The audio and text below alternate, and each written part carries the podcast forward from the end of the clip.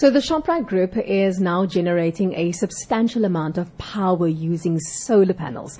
So they have also extended this practice to many other parts of their businesses, such as uh, solar panels on delivery trucks and also widespread use of energy efficient LED lamps. So this all contributes to reducing the company's impact on the environment. And this morning we chat to Sanjeev Raghubir, who is the Group Sustainability Manager for the Shoprite Group. Good morning, Sanjeev. Welcome to the On Show. Good morning, Saskia. Good morning, Anton. Hi, good morning. Sanjeev, why did you guys decide to make a turnaround in the way that you're utilizing your energy? Yeah, um, Saskia, we, the Shoprite Group has always been um, mindful of the impacts of climate change. So particularly with regards to our direct operations, uh, our supply chain being able to supply us with product, um, as well as the communities uh, in which we are part of. So being mindful of that, we thought that we also need to make an, a, a, small difference in terms of reducing our indirect greenhouse gases. Mm. And um, for that reason, we embarked on this uh, on this program to install solar panels at our stores and at our DCs. Mm. So where exactly are you know all these solar panels being placed? Because Pia, uh, Kia mentioned in our introduction that even the delivery trucks have them installed. That's right.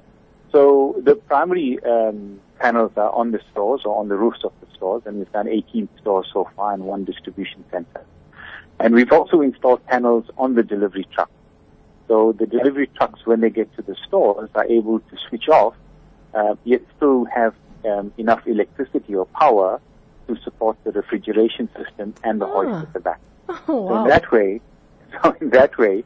You actually um, use less diesel Mm. Uh, you make less noise, the trucks are not operating, uh, and there's less fumes as well. Oh, that's amazing. Um, Sanjeev, are there any other innovative projects that you have uh, com- uh, upcoming in the near future uh, that will be geared at mitigating the effects of climate change? Yeah, so we quite uh, ambitious and, and we want to roll out more of the solar panels in the stores and, and that's something which we're driving. Mm. Uh, we've also signed a, a longer term contract uh, with a energy supplier for at least 25% of our electricity to be sourced from uh, renewable sources. Uh, and, and we're quite uh, we're looking forward to that that taking place. Um, there are two other um, initiatives. The, the, one is around the donation of surplus food. So the group, uh, the Shoprite Group, has donated more than 100 million rands of um, surplus goods in the last uh, in this financial year, and um, to to more than 400 community organizations across the country. Uh, and we've also got initiatives around making our packaging more sustainable. Mm. Um, and we've got a target there that by 2025, 100% of our packaging in store will be um, reusable, um, recyclable, and or compostable. Wow. That sounds wonderful. Amazing. It's yeah. good work. It's awesome. Thank you. All right. So, Sanjeev, um, thank you so much for joining us. Um, this is very exciting. I think, especially when you look at um, just at the amount of, of goods that obviously are present in, for example, just one Shoprite store, and the fact that you guys are actually now going to be embarking on taking a look at the packaging and things like that. That is absolutely amazing. Um, and I just love this idea of the solar panels on the delivery trucks. you must forgive me. I'm just sort of like, wow.